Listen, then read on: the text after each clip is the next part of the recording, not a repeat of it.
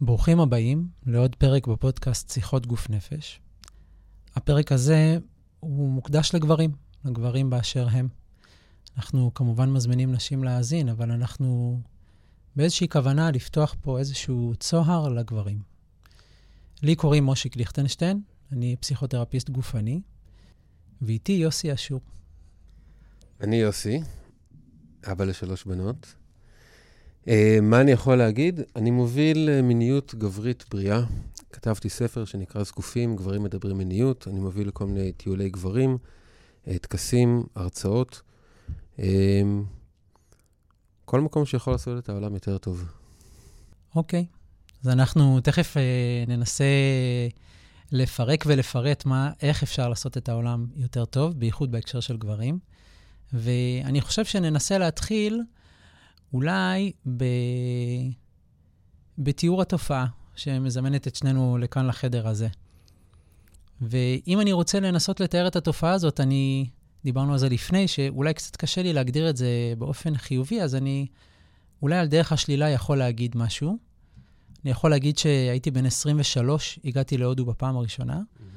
ולהפתעתי הרבה, כל הגברים שם במגע רציף כמעט ללא הרף. החזיקו ידיים.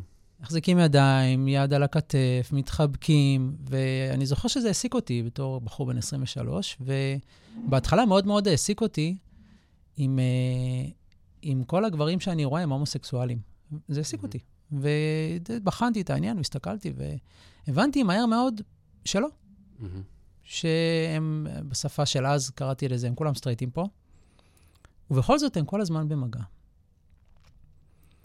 ואני קופץ לכאן ועכשיו להיום, ואז זה נראה לי מוזר, ופתרתי את זה. והיום, בתור אה, אדם שחי בעולמות של הגוף נפש, אם אז לא הבנתי למה הם עושים את זה, אני יכול להגיד שהיום אני לא מבין למה אנחנו לא עושים את זה. כי אני רוצה להגיד שבחוויה שלי, ואני חושב שאולי לא רק שלי, יש איזה חסר, יש איזה היעדר בחוויה הגברית. יהיה לי דרך קצת לא מדויקת לתאר את זה, איך הנשים תמיד עושות מעגלי נשים, ותמיד מתחבקות, ותמיד משתפות, ואפילו הקבוצה שאני משתייך אליה, יש לנו וואטסאפ כזה של כולם ביחד, ואז יש וואטסאפ רק של הבנות, והן שמה באינטימיות, והן משתפות, ואנחנו הבנים לא. ו... ולי זה חסר, ואני מרגיש שזה גם חסר בעולם שלי, ואולי זה חסר בעולם בכלל. Mm-hmm. המגע, שהוא מגע פיזי ואולי גם לא מגע פיזי. האינטימיות שהיא אולי יכולה להיות אינטימיות פיזית, אבל היא גם בוודאות לא אינטימיות פיזית, ועל ההיעדר הזה באנו לדבר, מבחינתי. מעולה, נושא חשוב מאין כמוהו. אמ, אני אתחיל בלנסות אה, להפריד בין ארבעה דברים שבסרטים של וולט דיסני הם באים ביחד, אה, אבל חשוב לי להבדיל ביניהם. וארבעת הדברים זה א', אהבה, אה, ב', אינטימיות, ג', מגע, וד', מיניות, מיניות במובן של סקס. עכשיו, אה, תראו, בסר... תראה, בסרטים זה באמת נכון. כלומר, אה, אה, אם אני נמצא עם מישהי ואני גם אוהב אותה, וגם יש בינינו אינטימיות רגשית, וגם יש בינינו מגע פיזי, וגם יש בינינו מיניות, זאת בהחלט סעודה שכוללת את כל ארבעת הטעמים, והיא מאוד מאוד טעימה, לי לפחות. אבל אני כאן ואני רוצה להגיד שיש גם ערך שהדברים האלה הם לא הכרחיים, שאפשר גם לטעום אותם בנפרד. זאת אומרת, אפשר גם ליהנות ממגע שהוא לא פורפליי לסקס, הוא מגע שעומד בפני עצמו, מגע. אפשר גם אה, אה, לקבל הרבה מאינטימיות שהיא לא חלק ממערכת יחסים שיש באהבה, היא פשוט אינטימיות, אולי אפילו רגעית, והיא מאוד מאוד חשובה. יש גם ערך אה, אה, לסקס, שהוא לא תמיד חלק מקשר אה, ארוך טווח, שהוא פשוט סקס רגעי, קוויקי שכזה, גם לא יש מקום בעולם הזה. ואני רוצה רגע שהשיחה הזאת ננסה אה, אה, לדבר על ארבעת הדברים האלה בנפרד. ואנחנו גם רוצים להגיד, למסגר את השיחה, הרי ארבעת המרכיבים שתיארת, אם הם נמצאים במערכת יחסים עם אישה אחת, מה שנקרא חיים מונוגמיים, אז זה הגיוני. ולכאורה, מה שהזמנו עכשיו את הגברים להאזין, זה לאפשרויות לפרוץ את או אה, לאתגר את המסגרת המונוגמית של אה, עם אישה, אבל, ולא, ולא, באנו לאתגר אתכם אפילו טיפה יותר, באנו להגיד שאת המרכיבים האלה אנחנו יכולים לספק לעצמנו לא רק עם אישה. גם בשבט שלנו, עם גברים. אנחנו מדברים פה על אינטימיות בין גברים, על מגע בין גברים ועל מיניות בין גברים. אז זה שלוש, שתיים, אחד, בום. ובום. עכשיו... עכשיו אפשר להתחיל. עכשיו, אחרי שכל מי שנשרף לו הפיוז וחיבה את הפודקאסט, אז נשארנו עם מי שאמר, אוקיי, לא הקטע שלי, אבל מעניין, אז, אז איך אנחנו מעניינים אותו? מה נכון. ההזמנה? מה ההזדמנות? תראה, קודם כל, אני בהתחלה ספרתי ארבעה דברים, ועכשיו אמרנו שלושה, אז אני רוצה לסגור את הפינה הזאת, שלא יישאר רווח לא ברור, שקשור לאהבה. על אהבה אין לי דבר מאוד חכם להגיד, נכתבו על זה, נראה לי, הרים של ספרים בניסיון להגדיר מה זאת אהבה, אמ, אבל אני בכל זאת אתן את הדבר הקטן שלי. אני יודע מהחיים שלי שכמספר הפעמים שהלב שלי נפתח לבן אדם אחר, מאוד מאוד קטן. פחות משתי ידיים על חיים שלמים. כלומר, הרגע הזה שהלב שלי באמת נפתח ורוצה להתקרב למישהו, הוא רגע נדיר בחיים, והרגע הזה שאותו בן אדם, וזה לא משנה כרגע אם הוא גבר או אישה, גם הלב שלו נפתח אליי באותו זמן, זה בערך כמו עם אה, אה, שמאדים ונוגה אה, בליקוי חמה משותף, או משהו כזה. מה שאני מנסה להגיד, שזה רגע נדיר בחיים, ואם הרגע הזה קורה, מה שאני אומר לעצמי, ומה שאני אומר לכל מי שאני פוגש, לחבק את הרגע הזה בכל הכוח, כי זה לא יקרה הרבה. אז אהבה זה קסם, זה סוג של קסם, טעם, אחד הדברים הכי טובים בחיים שיש. אני באמת חושב שאהבה זה התשובה לרוב השאלות. אני גם חושב שלאהבה אין כל כך חוקים, והיא בדרך כלל לא צפויה, והיא בדרך כלל מפתיעה. ו... ובואו נשים אותה בצד כרגע, במחלקת הקסם, ובואו נדבר על הדברים שיש לנו יותר השפעה עליהם, ויותר יכולת בחירה, ויותר יכולת לבוא וליישם את זה בחיים שלנו. מסכים. אז בוא תבחר, במה אתה רוצה להתחיל? באינטימיות, במגע או בסקס? בין גברים. בין גברים, הכל בין גברים. אמ, הלחצת. מעניין לי להגיד שברגע הזה, אמ, אני חווה חשש. אני, אני קצת uh, חושש ממה שתגיד. אני חושש ממה שתגיד. אני חושש ממה שאני אפגוש בתוכי מול מה שתגיד. אני בא לפגוש אותך מצד אחד בנפש חפצה, ומצד שני עם, uh, עם חשש בלב. אז אני אומר את זה על השולחן, כי אני חושב שזה מה שקורה. אני גם חושב שזה לא קורה רק לי. כן, נכון. אז, uh, אז אוקיי, אז הלחצת שנייה, תן לי להילחץ. בוא נתחיל במגע. למה לא? לא חושב ש... ספונטניות. כן, לא הייתי מתחיל משם כנראה, אז בוא נתחיל מזה אם לא הייתי מתחיל מזה. יאללה, מגע בין איך גברים. אני, איך אני אתחיל? תראה, אני גר בקיבוץ אנדור בצפון, שהוא נמצא אה, פיזית גיאוגרפית פחות מקילומטר בקו אווירי מנחל תבור, שזה שביל ישראל. ואני אה, בחיים שלי, גר ב, אני גר בקיבוץ כבר שבע שנים וקצת, אה, אירחתי מאות רבות של שביליסטים. חבר'ה שהרוב זה חבר'ה צעירים, ככה המרכז זה חבר'ה אחרי גיל צבא, שעושים את שביל ישראל, ויש גם תרבות כזאת של, זה נקרא מהלכי שביל, שמארחים ללא תשלום, חבר'ה, זה בדרך כלל נורא נחמד. הבנות שלי מאוד אהבו את זה הרבה מאוד שנים, עד שלפני uh, שנתיים ומשהו הם נכנסו לגיל ההתבגרות ואמרו לי, אבא, מספיק, אנחנו, הפרטיות נהייתה יותר חשובה לנו. אז הפסקתי, אני מקווה שיום אחד נחזור. אבל אני רוצה לתאר לך סיטואציה שקרתה מלא פעמים אצלי בבית. כן. יום א', מגיעים זוג בנות, נשים צעירות, נגיד גיל אחרי צבא, שמטיילות ביחד, תיק גדול, זיעה, כתמי זיעה. אנחנו מארחים אותם, זה היה בדרך כלל במרפסת, הן באות, מורידות את התיק, מתארגנות. אז דברים שהיינו יכולים לראות, וראינו אותם הרבה פעמים. למשל, היינו רואים אותם, אה, אותן מסרקות אחת את השנייה. למשל, היינו רואים אותן מחליפות בגדים אחת עם השנייה. למשל, היינו רואים אותן נכנסות למקלחת ביחד, על השירותים מקלחת ביחד. למשל, היינו רואים אותן ישנות בכפיות. אין שם סקס, אין שם מיניות, אין שם שום דבר, וזה נראה טבעי, רגיל, נורמלי, בריא. יום ב' מגיע זוג גברים צעירים. אותו גיל, אותו שביל, אותה תיק, אותה מרפסת. עכשיו, מה הסיכוי שהיינו רואים אותם מסרקים אחד את השני? אפס. תשובה מעולה. זה לא סיכוי נמוך, זה לא סיכוי זעום, הסיכוי הוא אפס מוחלט. כלומר, יש הרבה יותר סיכוי שדינוזאור יציץ אצלי בגינה ככה מתוך האדמה, מאשר שאני אראה אותם מסרקים אחד את השני. מה הסיכוי שאני אראה אותם נכנסים ביחד לשירותים? אה, נמוך. נמוך מאוד. כן. מה הסיכוי שאני אראה אותם אה, אה, ישנים בלילה מתקרבלים בכפיות? אה, זה דור שאני לא מכיר, אבל אם אתה אומר עליי, נמוך. נמוך, נמוך מאוד. זה לא קורה. יש לנו, פח, יש לנו פחד, אני אומר את המילה, יש לנו פחד מאוד מאוד מאוד גדול ממגע עם גברים. ואני אומר מגע, מגע שעומד בפני עצמו, וחשוב לי להדגיש שזה לא מגע ש, אה, שהוא פורפליי לסקס, פשוט מגע בריא, אה, מגע של אור נוגע באור, מגע שהוא, שהוא מרפא בעצם. מגע שהוא, שהגוף החייתי שלנו רעב אליו, מבקש אותו. אני, אני יכול לספר כרגע סיפור אחר, שהוא קצת סטריאוטיפי, אבל אני חושב שחלקנו יוכלו להתחבר אליו. אה, בוא נגיד גבר צעיר, נולד, גדל, המקור העיקרי שלו, בדרך כלל למגע, אה, ברוב המקרים הוא יהיה מאימא שלו, כמקור עיקרי ראשון, ואם הוא בר מזל, אז אולי גם, אולי גם אבא, אולי גם אחים או אחיות, או משפחה קרובה נקרא לזה, אבל אין ספק שהאימא היא הייצוג העיקרי למקור הלגיטימי למגע. אגב, לא כולנו, אגב, היה לנו את זה, יש אימהות שלא מרבות לגעת, אבל בואו נהיה כרגע אופטימיים. ו... ונגיד שאותו ילד, וסטריאוטיפים, ונגיד שאותו אה, גבר צעיר קיבל מגע בחייו.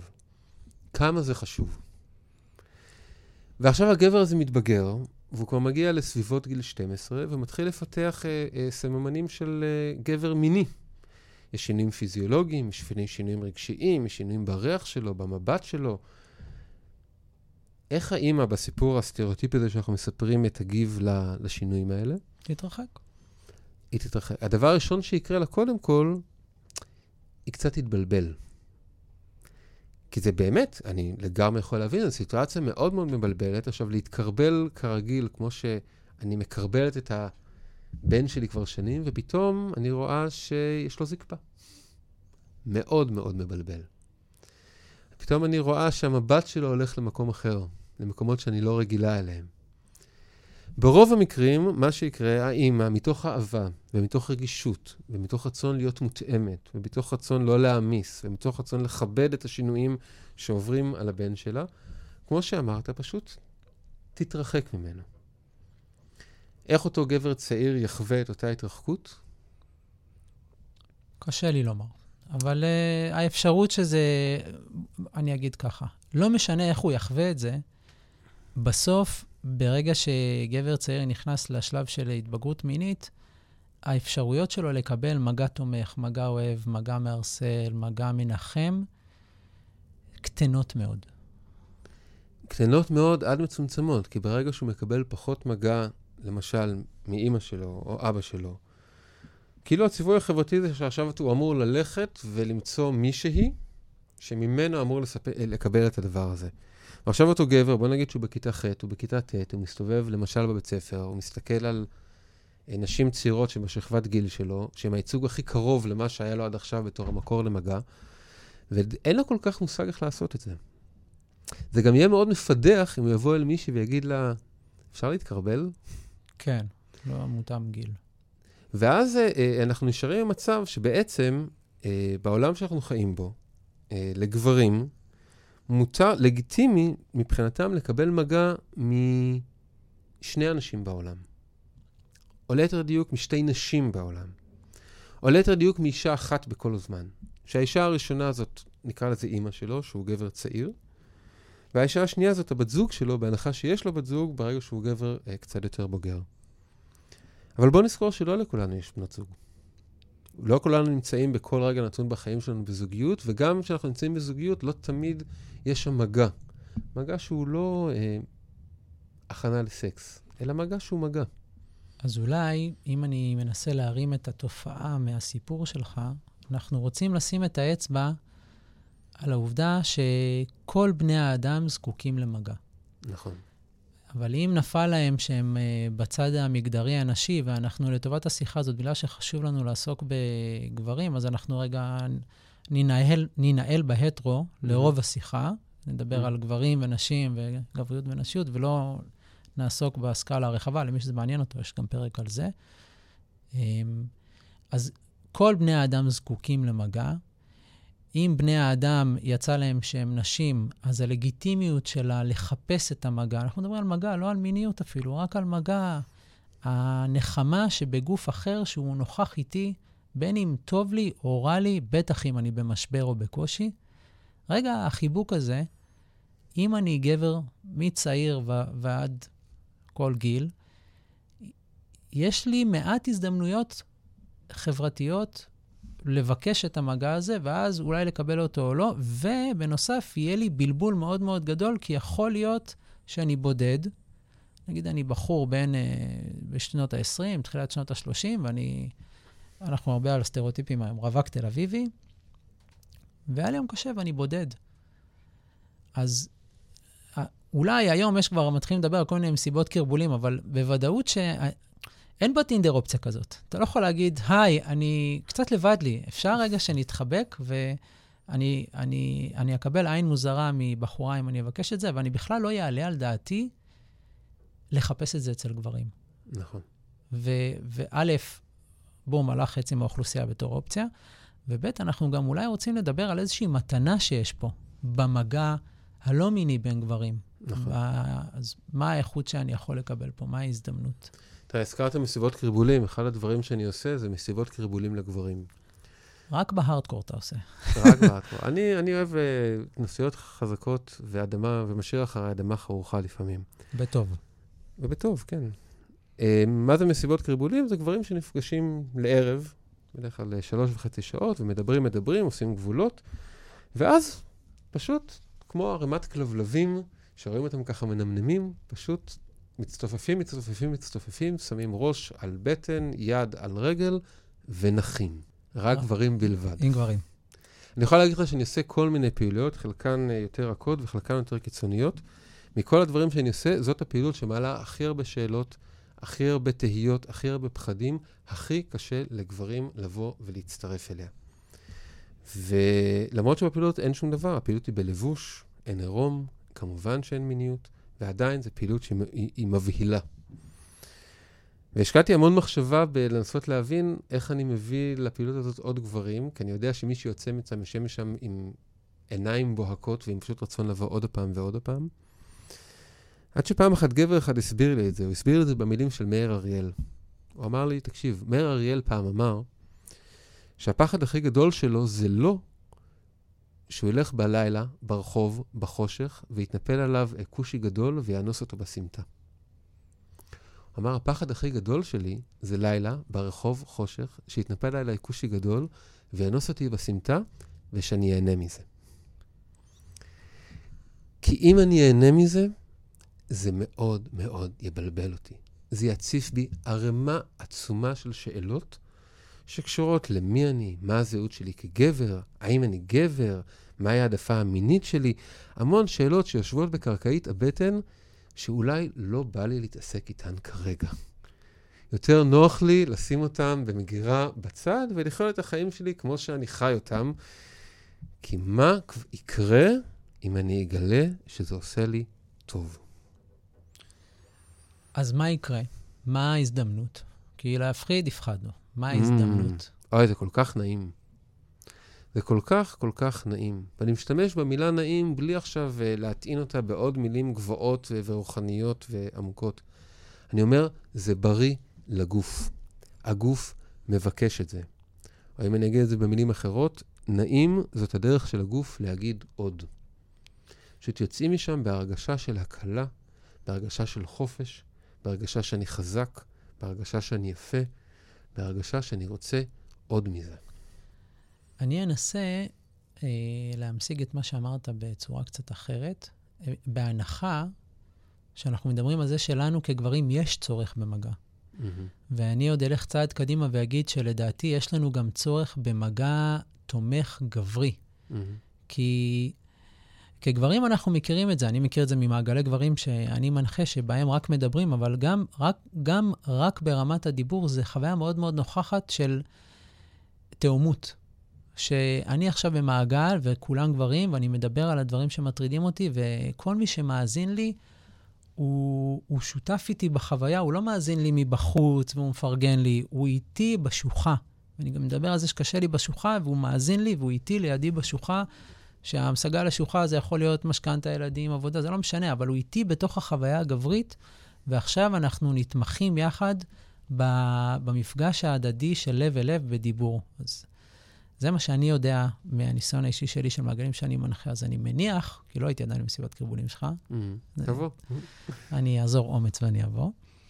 אה, אני מניח שיש שם איזושהי התרפקות, כאמור, לא התרפקות במובן המיני, אבל כן התרפקות במובן המשחרר, שאני יכול לנוח, לנוח באמת, לנוח בקרב אנשים שהם בתדר שלי, שהם בחוויה שלי, שהם מבינים אותי, ואני יכול להתמלא שם בכוחות כי יש כוחות שאני מתמלא כשאני נמצא עם האנשים שלי, בין אם אני במעגל המשפחתי שלי או במעגל החברים הקרובים שלי, או עם בת זוג. כשאני נמצא עם האנשים שלי, שאני מרשה לעצמי להרגיש 100% בנוח, אני 100% יכול לנוח, ומנוחה היא שלב הכרחי בתוך הפעימה הזאת של החיים, של אה, יש, אנחנו פוגשים גירוי, ואז אנחנו נטענים מולו, ואז אנחנו פורקים, ואז אנחנו צריכים לנוח. Mm-hmm. וגברים, זה משפט קלישאתי אולי, לפחות אני מכיר אותו כקלישאתי, שגברים לא יודעים לנוח כביכול. וואלה, לא יודע לנוח. עכשיו, אחת הסיבות שאני לא יודע לנוח, זה שאף פעם לא לימדו אותי שמותר, וגם אם אמרו לי שמותר, לא הסבירו לי איך, וגם אם הסבירו לי איך, לא היה, לא, אין את המעגל הזה, זה לא עכשיו שלוש בנות על uh, הכי סטריאוטיפי, אני מחילה מראש, כן? שלוש בנות, שלוש פעמים הפוך ושלוש פעמים קינוח, מדברות על החיים, חוזרות מהדבר הזה באיזושהי התמלאות. נפגשתי... התחברתי, הכרתי, נטענתי. ופרקתי. הרגשתי שאני בסדר ופרקתי, כן. נכון. התחבקנו, בכינו, וגברים, איפה, איפ, אין, אין. אין.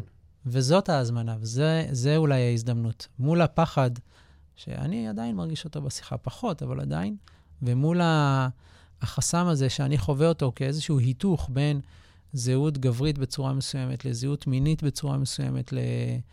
אינטימיות בצורה מסוימת. כאילו שלושת אלה, במבנה בסיס שלי, בהגדרה של מהי המציאות התרבותית שגדלתי עליה, זה מחובר בהרבה נקודות ריתוך, ו... ואסור לשאול שאלות על המבנה הזה, כי אם אחד מהם יתפרק, הכל יתפרק, הכל יתפרק. ואז מי אני, מה אני. מסיבת קרבולים זו באמת הזדמנות, או כל התקרבלות, או כל מגע שיש עם גבר, זו הזדמנות להתחבר, להרגיש שייך לשבט הזה. לדעת שזה בסדר בכל גיל, זה לא קשור להעדפה מינית.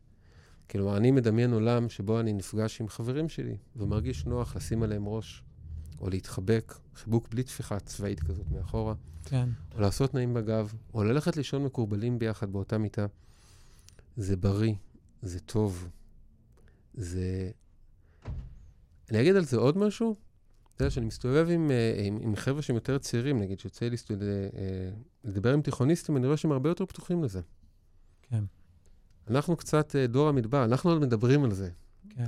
ועוד עשר או עשרים שנה ידברו על זה פחות, כי זה, כי זה נכנס. אנחנו קצת הדינוזאורים שעדיין יש להם לבטים כלפי הדבר הזה. אנחנו טלוויזיה שחור לבן. אנחנו טלוויזיה שחור לבן. פלטה של צבעים. הם כבר במקום אחר, ואנחנו גם עושים את זה לעצמנו. אני אתן, כן. דוג... אני אתן דוגמה. אני אתן דוגמה, אה, בוא נגיד שיש לי כרגע בת זוג. ובוא נגיד שהזוגיות כרגע היא ממש בשבועות הראשונים שלה, בשבועות המרגשים, שעדיין יש את ההתאהבות ואת התחושה שהכל חדש והכל מרגש. ובוא נגיד שאני כרגע נכנס uh, הביתה ואני רואה אותה ואני מאוד מרוגש מלראות אותה ומאוד נעים לי ומאוד כיף לי, ואני בא ומייצר מגע, מלטף אותה קצת. וגם אם המגע מאוד נעים לה, והיא נענית למגע ואני נוגע בה והיא, והיא נוגעת בי בחזרה, והמגע הזה אה, אה, אה, מתחמם והופך להיות סקס, וגם הסקס הוא מאוד נעים לנו, ואנחנו הולכים לישון מחובקים ביחד, והכל ממש נהדר. כן. עכשיו למחרת, אני אבוא עוד הפעם, ושוב אני, אותו גבר מגיע הביתה, ושוב הוא רואה אותה, ושוב נעים לו לראות אותה, ושוב הוא מייצר מגע, ושוב היא נהנית, ושוב המגע מתחמם, ושוב הוא הופך לסקס, ושוב הולכים לישון מחובקים והכל נהדר. ובוא נגיד שהתסריט הזה חוזר על עצמו כמעט בכל יום, מה שבהרבה מאוד מקרים יקרה אחרי כמה שבועות לא רבים, אותו גבר יחזור הביתה וייצור מגע עם הבת זוג שלו, ומה שיבוא בבת זוג שלו בראש זה המחשבה... עוד פעם הוא רוצה להשכיב אותי. עוד פעם סקס. כן, אבל, ואז... אבל לא בא לי. אבל לא בא לי. אז היא תדחה את המגע שלו. כן. ואז אותו גבר יישאר בלי סקס ובלי מגע. ועם תסכול. ועם תסכול. ובתכלס, הוא עשה את זה לעצמו בגלל הבלבול הזה, שבטעות מחבר בין מגע לבין סקס. כי אם סקס מתפרש ב- ב- בשיחה הפנימית שלי כ- כ- כהכנה, כמין משחק מקדים לסקס, עם uh, מגע. אם מגע, סליחה, כן, אם מגע מתפרש אצלי כמש, כמשחק מקדים לסקס, אז אני עלול להישאר בלי שני הדברים האלה. וככל שאני אתאמן יותר במגע שעומד בפני עצמו, במגע שלא הולך לשום מקום אחר חוץ ממגע, אני אגדיל גם את כמות המגע וגם את כמות הסקס בחיים שלי. נכון, אנחנו, אני גם חי בדרך הזאת, ואני אגיד גם שזה גם, אחיך גדל עם, ה, עם, עם הטעימה. אתה. מתחיל ביין, אז בהתחלה הכל זה יין, אבל אם אתה שותה מספיק ולאט ובתשומת לב, לאט לאט אחיך מתחיל להבדיל את הגוונים. וזה אותו דבר במגע. מהמם. אני מתחיל בחיבוק כמו צעד וחצי בכדורסל, זה חיבוק כדי להגיע לחדירה. כן. זה הנקודת... אני, בעוונותיי, החינוך המיני שלי היה דל וגרוע, ואני שנים אה, משקם את הבעיה הזאת. אבל אה, נקודת המוצא הייתה לגמרי, כאילו, בואי נתחבק, אני רוצה לשכב איתך. ובשנים האחרונות גדלה בי היכולת לומר, בואי נתחבק, אני רוצה לשכב איתך ואני רוצה שלא נשכב. כי אני, אני רוצה... אני רוצה להיות במקום הזה של המפגש, זה, זה, זה אפילו לא חייב להגיע למיני. המפ... אינטימיות גופנית שנוצרת ממפגש בין שני אנשים אוהבים, שפשוט, במקום ללכת ישר אל היעד כביכול, מטיילים. הסיפור הזה של אם אני הולך ליער לקטוף פטריות, או אני מטייל ביער. אם אני הולך ביער ואני רוצה לקטוף פטריות, והיה לי טיול מדהים, ארבע שעות מהממות, ולא מצאתי אף פטריה, אז זה היה יום מבאס.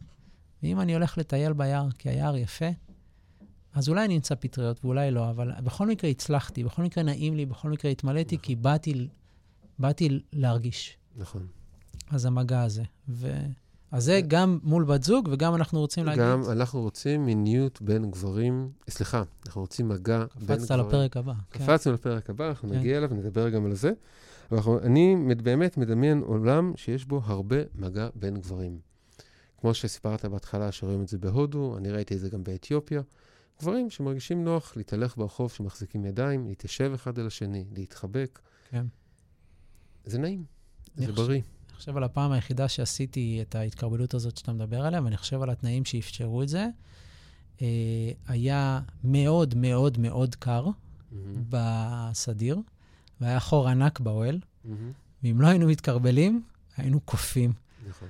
אז קפאנו, וזה היה נעים, אבל אני זוכר בזמן אמת שזה קרה, שאמרתי, א', נעים לי, ב', אין שום סיכוי שבעולם שהדבר הזה יקרה שוב, בלי כל האופרציה הזאת. כאילו, אין, אין מצב.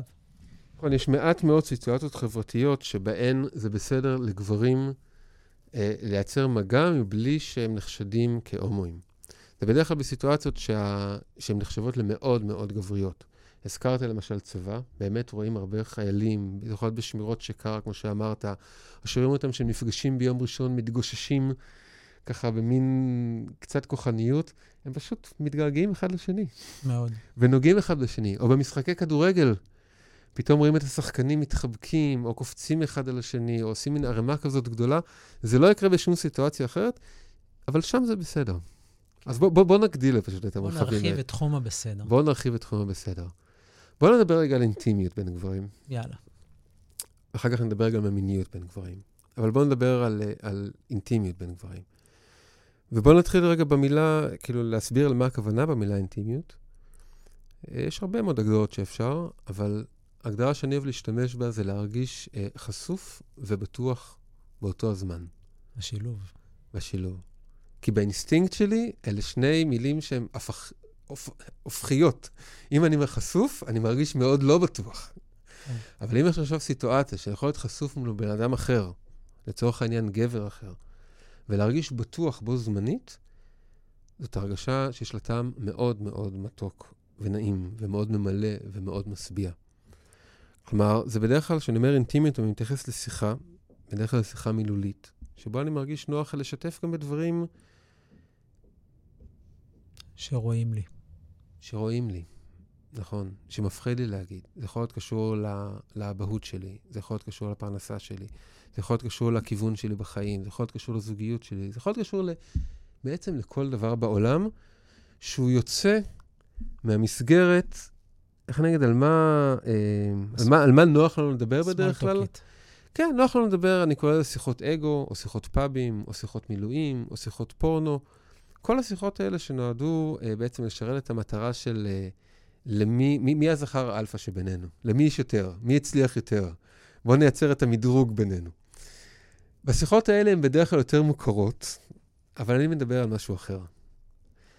אני מדבר על שיחה שאני מרשה לעצמי שם לא לדעת, שאני מרשה לעצמי להיות מבולבל, חלש, מתוסכל, מתוסכל כועס, אוהב, עצוב. נדחה. נדחה. אני יכול להרגיש שם. אני יכול להיות מי שאני. אני יכול להגיד, בואנה, אתה יודע, אני כבר... אני כבר שיומיים לא יוצא מהמיטה, כאילו, אתה יודע, בא לי למות. קשה לי. אני לא יודע מה לעשות. ולהגיד את זה אונליין, כלומר, לא להגיד את זה שבוע אחר כך. אתה יודע, אח שלי לפני שבועיים היה לי, היה לי יום, מה זה קשה. כן. אבל זה כאילו לספר בדיעבד, לספר אונליין, אמיתי. או, או לא רק את הדברים הכואבים, גם את הדברים הכיפים. לבוא לחבר ולהגיד לו, תשמע, יש מישהי, אני לא מפסיק לחשוב עליה. באמת, מה, מה, מה אני יכול לעשות עכשיו? אני כל הזמן, היא ממלאת אותי. אני, אני, אני מרוגש, תשמע, קורות לי מלא פדיחות. אוקיי, okay, אבל גם כאן אנחנו רוצים לדייק. אה, מצחיק להסביר את זה, כי אני חושב שזה ברור לכולם. יש את הדברים ש, שמותר להגיד, שנכון להגיד, ויש את ה... לא בדיוק הצל, אבל הדברים שהם אה, יותר, נקרא לזה בצנעת הפרט, שאני אוקיי. שומר לעצמי. וקצת כמו שאמרת, הטיעון הוא שככל שאני יכול להיות כמה שיותר אני, גם כמה שיותר לעומק, גם כמה שיותר לרוחב, להביא כמה שיותר חלקים מעצמי לתוך הרגע, למפגש, אז אני יכול במובן מסוים גם להיות הרבה יותר חופשי, כי אם אני בשיחה איתך, ועכשיו אני יודע שאני הולך לספר לך גג, גג, גג, גג, גג, 60% מהסיפור, כי אני אספר לך על ההורות וזה וזה וזה, אבל בסוף אני לא אספר לך ש... סתם, אני אתן דוגמה, אה, שיש לי קושי בשפיכה מהירה. למרות שזה מעסיק אותי באחוזים, יכול להיות שזה 80% מהזמן, הסיכוי שאני אגיד לך את זה בשיחה הוא, הוא אפס. Mm-hmm. אני אגיד לך את ה-60% המקובל, הלגיטימיים. אני לא, אני לא אביא משהו שמאוד מטריד אותי, כי זה אינטימי מדי, כי זה חושף אותי מדי. אני גם, אם אנחנו מדברים על הדברים הכיפים, אני כן אספר הצלחות, אני לא יודע כמה אני אספר דברים רכים. שנולד לי תינוק, סתם דוגמה, והחזקתי אותו בידיים ובכיתי. Mm-hmm. שזה רגע, זה רגע מרגש. וזה ברור לנו שאישה תספר את זה לאישה בלי למצמץ, וזה, אבל הסיכוי שגבר יספר את זה לגבר, יש איזה תנאי מקדים בקשר לקשר שלהם, שכמו שאמרת, שאני אהיה מסוגל להיות בטוח בשיחה וגם חשוף. וכגברים אנחנו מסתובבים בעולם מתוך איזושהי חוויה שאין לנו הרבה מקומות שאנחנו יכולים uh, להיות בשילוב הזה של חשוף. ו... ובטוח. ובטוח. אני יכול uh, להתחבר למה שאתה אומר ולספר שכתבתי את הספר שלי, שהוא מורכב בעצם ממונולוגים של גברים שמדברים על המיניות שלהם, אז בשלבים המאוד ראשונים, פשוט פניתי לחברים שלי. ופניתי, ויש לי, לי חברים, אני חבר, יש לי חברים גם ותיקים, ואני חבר די טוב לדעתי. ופשוט פניתי אליהם עם השאלה, בואו בוא נדבר על המיניות שלכם. אני, רוצה, אני, אני סקרן לשמוע. וזה היה קטסטרופה. זה לא עבד בכלל. זה אפילו עורר כעס מצד חברים שלי, אליי. שבהתחלה הייתי מופתע ממנו ולא הבנתי. מה אתה פולש לי? מה אתה פולש? ולקח לי זמן להבין שלמרות שהחברות שלנו הייתה ותיקה וטובה, וגם חשבתי שעמוקה, היה בה בהסכם חברות, היו בה סעיפים, שאנחנו נדבר על הילדים שלנו, אנחנו נדבר על העבודה שלנו, אולי נדבר על הטיולים שלנו, אבל על המיניות שלנו אנחנו לא נדבר. וזה כל דבר שכל אחד שומר לעצמו, ולפעמים, כמו שגם אתה אמרת, יכול להיות שהמיניות, יש שם את הדבר שהכי חשוב לי, הכי כואב לי, דבר שהוא ממלא אותי, מעסיק אותי, אבל אני לא אדבר על זה, אפילו לא עם החבר הטוב שלי. או לפעמים כשאני אומר את זה לגבר, אומרים לי, עזוב אותי, מה אני צריך את זה? יש לי בת זוג, איתה אני מדבר.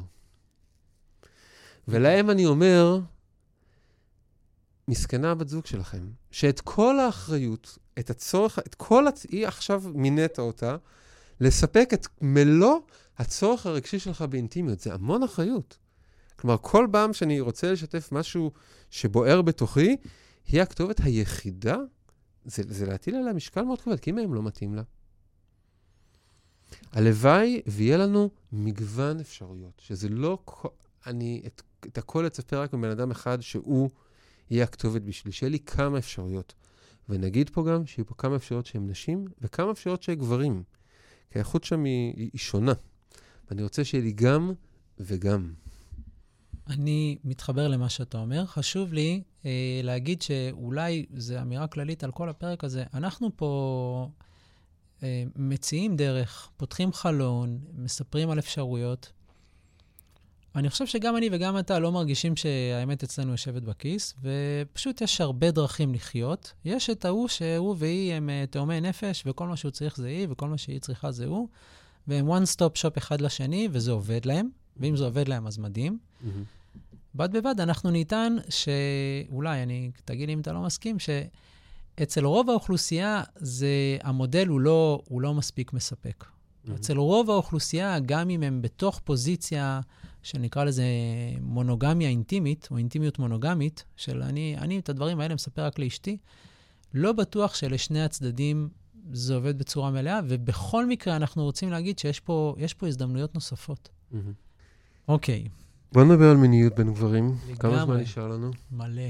מלא. תראה, מיניות בין גברים זה מין טאבו כזה מאוד מאוד גדול, זה דבר מאוד מאוד מפחיד. וזה לא משנה רגע מה העדפה המינית שלי. אצלי העדפה המינית שלי היא נשים. נכנסתי למיטה גם עם גברים, אה, לא מעט במהלך החיים שלי, אבל אני רוב הזמן עם נשים, ומאוד טוב ומאוד שלם עם זה. אה, גם היום אני בזוגיות עם אישה. ואני יודע שזה אחד הדברים שהם הכי טעונים והכי מבלבלים. אני אגיד משהו לגבי הבלבול הזה. אני מאמין, מתוך העיסוק שלי והמפגשים שאני עושה והניסיון חיים שאני פוגש, אני מאמין שרובנו, או אני אפילו להגיד כולנו, נמצאים על איזשהו רצף. אני מאמין שמעט מאוד אנשים יכולים להגדיר את עצמם כהטרוסקסואלים, כלומר סטרייטים לחלוטין, או שהם גייז, הומואים לחלוטין. כלומר שההעדפה שלהם היא מאוד מאוד ברורה והיא מאוד בקצה. אני מאמין שכולנו נמצאים על איזשהו רצף בפנים. כשאני אומר איזשהו רצף, אני לא מתכוון שכולנו נמצאים באמצע באיזשהו 50-50 אחוז, אבל, ש... אבל באיזשהו גוון של אפור. זה יכול להיות אפור מאוד מאוד בהיר, כמעט לבן, זה יכול להיות אפור מאוד מאוד כהה, כמעט שחור, זה יכול להיות גם כל גוון באמצע. ואני גם חושב שהגוון שה... הזה הוא משתנה. משתנה לאורך החיים, משתנה עם הגיל, משתנה עם הזמן, משתנה בהתאם למקום שאני נמצא בו בחיים. ואפור זה צבע מאוד מבלבל. הרבה יותר קל להיות באיזושהי קיצוניות. זה נכון למיניות, זה נכון להעדפה מינית, זה נכון להעדפה פוליטית, זה יכול כמעט לכל בחירה שאנחנו בוחרים בחיים. הרבה יותר קל אה, להיצמד לאיזושהי אמת שהיא מאוד ברורה, אה, אפילו לגבות אותה באיזושהי אידיאולוגיה ולהישאר שם. אני חושב שרובנו, אה, כגברים כרגע, אה, בוחרים באיזשהו שלב, האם להיצמד לדופן הסטרייטית יותר, שזאת הבחירה שרוב הגברים בוחרים אותה, או האם להיצמד ל... אה, לקצה הגיי, ההומואי. ואני חושב שאנחנו מפספסים פה. אני חושב שאנחנו מרגישים את זה. אני פוגש המון, אבל המון המון המון גברים שמתעוררת אצלם איזושהי סקרנות. ומיד עולים השאלות הקבועות של מה, אולי אני גיי, אולי אני הומו, אולי אני חי בשקר, אולי אני צריך לעשות עכשיו איזשהו מעשה אמיץ, קיצוני, יש מין נטייה גברית כזאת של, אה, ah, הבנתי משהו, אז אני מיד מחפש לעשות איזושהי פעולה כן. מאוד דרמטית בשביל לממש את הדבר הזה. מצאתי ממותה, הרגתי ממותה. לגמרי. ואני אומר, לאט, לאט. אפשר ללטף את הממותה. לאט, לאט. אני אומר לגבר שאם הוא מזהה בתוכו איזושהי סקרנות, או איזושהי משיכה, או איזשהו סימן שאלה, לא לעשות שום דבר דרמטי עם זה. להישאר עם זה. לא לקבל שום החלטה אה, גדולה בחיים, והדבר העיקרי שיש לי להגיד לאותו גבר זה להגיד לו, סחטיין, כנראה שאתה מאוד אמיץ ומאוד רגיש לעצמך ומאוד רגיש ל... ל... ל... לרגשות שלך, לתחושות שאתה מרגיש, ואתה גם מאוד, uh, ואתה מעז לעשות את זה. איזה יופי. אז קודם כל, כיף לך. אני מצטרף למה שאתה אומר, ואני חושב שאנחנו, כשאני מדבר על מיניות גברית, או מיניות בין גברים כ... איזושהי שאלה פתוחה למי שהוא כביכול בכותרת סטרייט. זאת אומרת, אה, אוקיי, אני בחור והבנתי שנשים זה רוב העניין, אם לא כל העניין, ובניתי חיים, ופתאום אני חש שזה משהו בתוכי. אני חושב שהנושא של השיחה, כשאנחנו מדברים על הדבר הזה, הוא בעצם, אחד, חופש, והשני זה היכולת שלי להיות שלם. כי אם אני על הסקאלה באמצע, ואם גדלתי בעולם שאין באמת סקאלה, יש רק שחור לבן, ו- ואני רובי אה, בצד הנשי, ו- ומכיוון שכך, מכיוון שגדלתי בתקופה ובמקום שגדלתי, אז אני מגדיר את עצמי אוהב נשים, אבל אני לא 100% אוהב נשים, אני אולי 70% אוהב נשים ו-30% משהו אחר. אז רוב חיי כנראה שלא היה לי שפה לדבר הזה בכלל, אז אני לא הגעתי לזה. ואז אולי באיזושהי נקודת זמן בחיי, אני אקרא לזה, הבשלתי למצב שאני כן חש תחושות. ההזמנה היא, ההזמנה שלנו לאותו מישהו שכך הוא חש, היא בוא, אחרי הפרגון הזה שאתה באמת מאוד אמיץ, היא בוא תראה אם במקום הזה אתה יכול להגדיל את מידת החופש שלך, מידת חופש המחשבה, מידת חופש הפעולה. לפני שאתה באמת הולך ועושה דברים, כי זו הנטייה הגברית שאני הולכת לעשות, בוא רגע תסכים לבחון, אבל לבחון באמת את הדבר הזה. ופעם שנייה, ההזמנה או ההזדמנות פה היא להיות שלם. אני אספר ממש בקצרה על עצמי. אני היום אה, מגדיר את עצמי, וגם מול העולם, אה, מה שפעם קראו דומיני, BC, ביסקשואל, וזה משהו שקרה בשנים האחרונות, ומה שמעניין בעיניי לספר על הדבר הזה, זה לא זה, אלא הדרך. הסיפור הזה שברגע שהבנתי שיש לי תחושות, הדבר הראשון שפגשתי אחרי התחושות, היה קול פנימי מופנם מאוד מאוד חזק שאמר לי, לא. לא, כן, בסדר, אתה, ואני מאוד מחובר לרגשות שלי, מאוד מחובר לעולם הפנימי שלי, וזה היה מין לחישה, ופתאום קם עליה קול צעקה ואמר לכולנו, כל הקולות שבתוכי, אמר, כולם לסתום את הפה, בוא, תשתה כוס מים, תנוח, תנשום, יעבור לך, לא מתאים, ככה לא עושים במושב, אחי. זה לא... ו...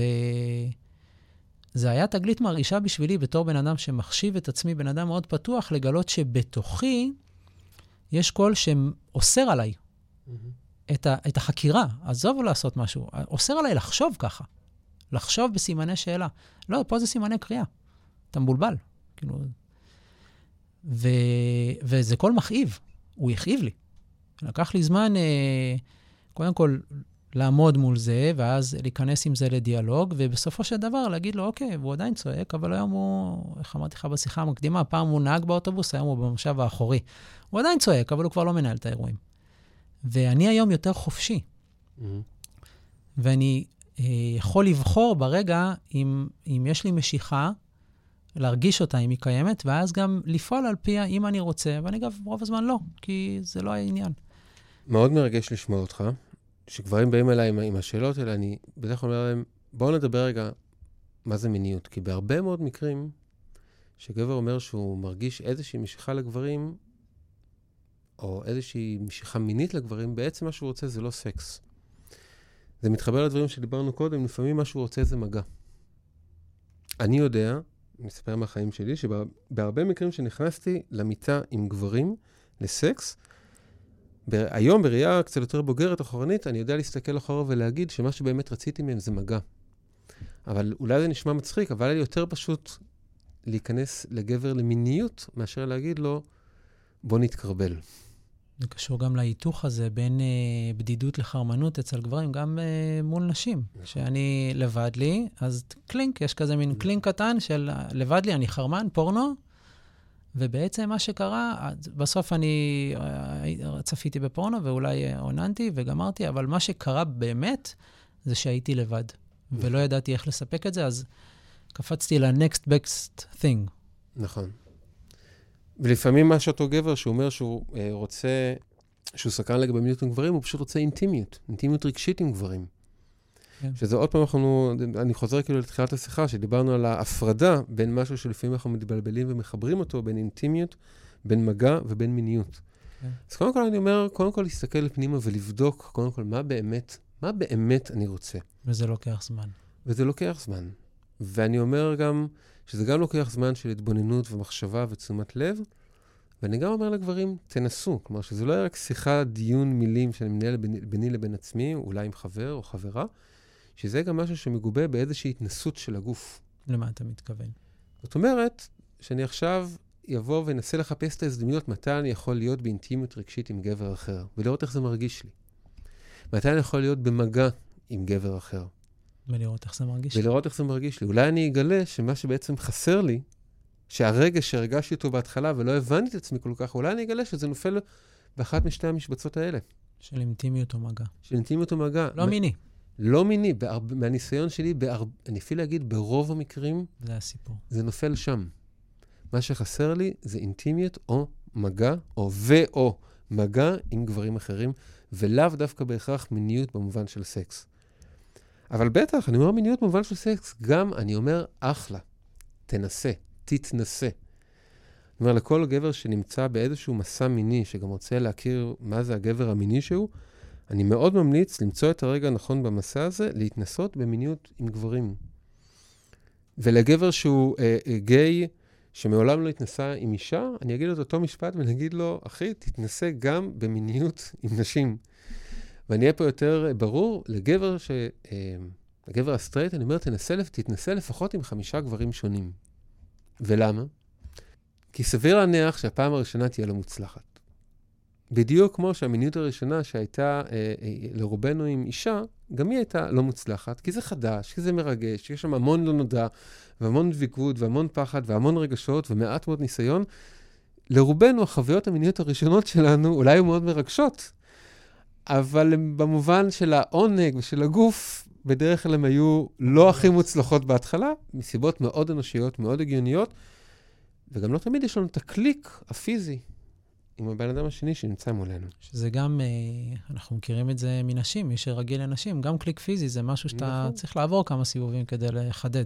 ולכן אני אומר לכל גבר שסקרן לבדוק את הדבר הזה, או לכל גבר שנמצא באיזשהו מסע מיני, אני אומר, תמצא את הרגע של לבדוק את הנושא הזה של מיניות עם גברים, זו דלת ששווה לבדוק אותה. ותתנסה לפחות עם חמישה גברים שונים, ואחר כך תקבל כל החלטה שתרצה לקבל, היא תהיה אחלה. והיא תהיה מבוססת לא רק על מה שאני חושב, ולא רק על הרגשות שלי, היא תהיה מבוססת גם על חוויה של הגוף. אתה תוכל להרגיש איך זה מרגיש בגוף. ואז כל החלטה שתקבל אחר כך תהיה הרבה יותר שלמה, אתה תרגיש הרבה יותר שלם איתה, תהיה הרבה יותר מבוססת על uh, חוויית חיים אמיתית, ובגדול אתה, אתה, לא משנה מה אתה תחליט, אתה תצא ממנה שאתה מרגיש הרבה יותר חופשי, עם פחות פחדים שמנהלים אותנו, עם יותר חופש, עם יותר הרגשת כוח, ומה יותר כיף מלהרגיש חופשי? לגמרי. אה, אנחנו ככה לארוז ולסיים. אני שואל את עצמי כמה שאלות, שאני גם שואל אותך. אחד, אם יש עוד משהו שחשוב לנו להגיד. השאלה השנייה זה אולי גם קצת, אה, אוקיי, שכנעתם אותי, מה אני עושה עכשיו? אה, איך, איך אתם מציעים לי בעצם לעשות איזשהו צעד ראשון בדבר הזה, חוץ מלהרגיש עם עצמי, הבנתי, אני ארגיש. האם יש מסגרות או שיח, איפה, איפה אני יכול לקבל עוד מידע, לבדוק את זה? זאת השאלה השנייה. והדבר השלישי, אני אגיד אותו עכשיו, שמבחינתי הוא קצת באזורים של ה disclaimer, כמו שאמרתי בהתחלה, אני ממש מרגיש צורך להגיד את זה שוב. אנחנו כאן ב- בלפתוח דלת, אה, כי אנחנו מאמינים שיש כאן הזדמנות לשים את האצבע גם על משהו מאוד טבוי בחברה הגברית הישראלית, שלא להגיד גברית בכלל. גם יש חור. יש פה חור בתוך הקיום שהוא, שהוא חסר. יש פה חיסרון, יש פה חסר ב... לנו כגברים, בחוויה שמגיע לנו, כמו לכל בני אדם, מגיע לנו אה, להיתמך, מגיע לנו להרגיש שלמים, מגיע לנו חופש פעולה, ו...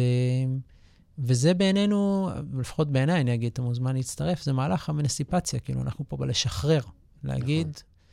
הכבלים התרבותיים האלה, זה נחמד, זה אחלה, עם זה, עם זה גדלנו, לא חייבים לקחת את זה איתנו לקבר. אפשר באמצע הדרך לעשות את הבדיקה הזאת, המסע הזה, ואולי בסוף, אה, יש, הסיפור הזה לא חייב להסתיים באיזה קומונה של גברים אה, על אה, צל ההר מגדלים ירקות. זה גם יכול להיות שאני חי את החיים הרגילים שלי, ואני פשוט יודע על עצמי משהו.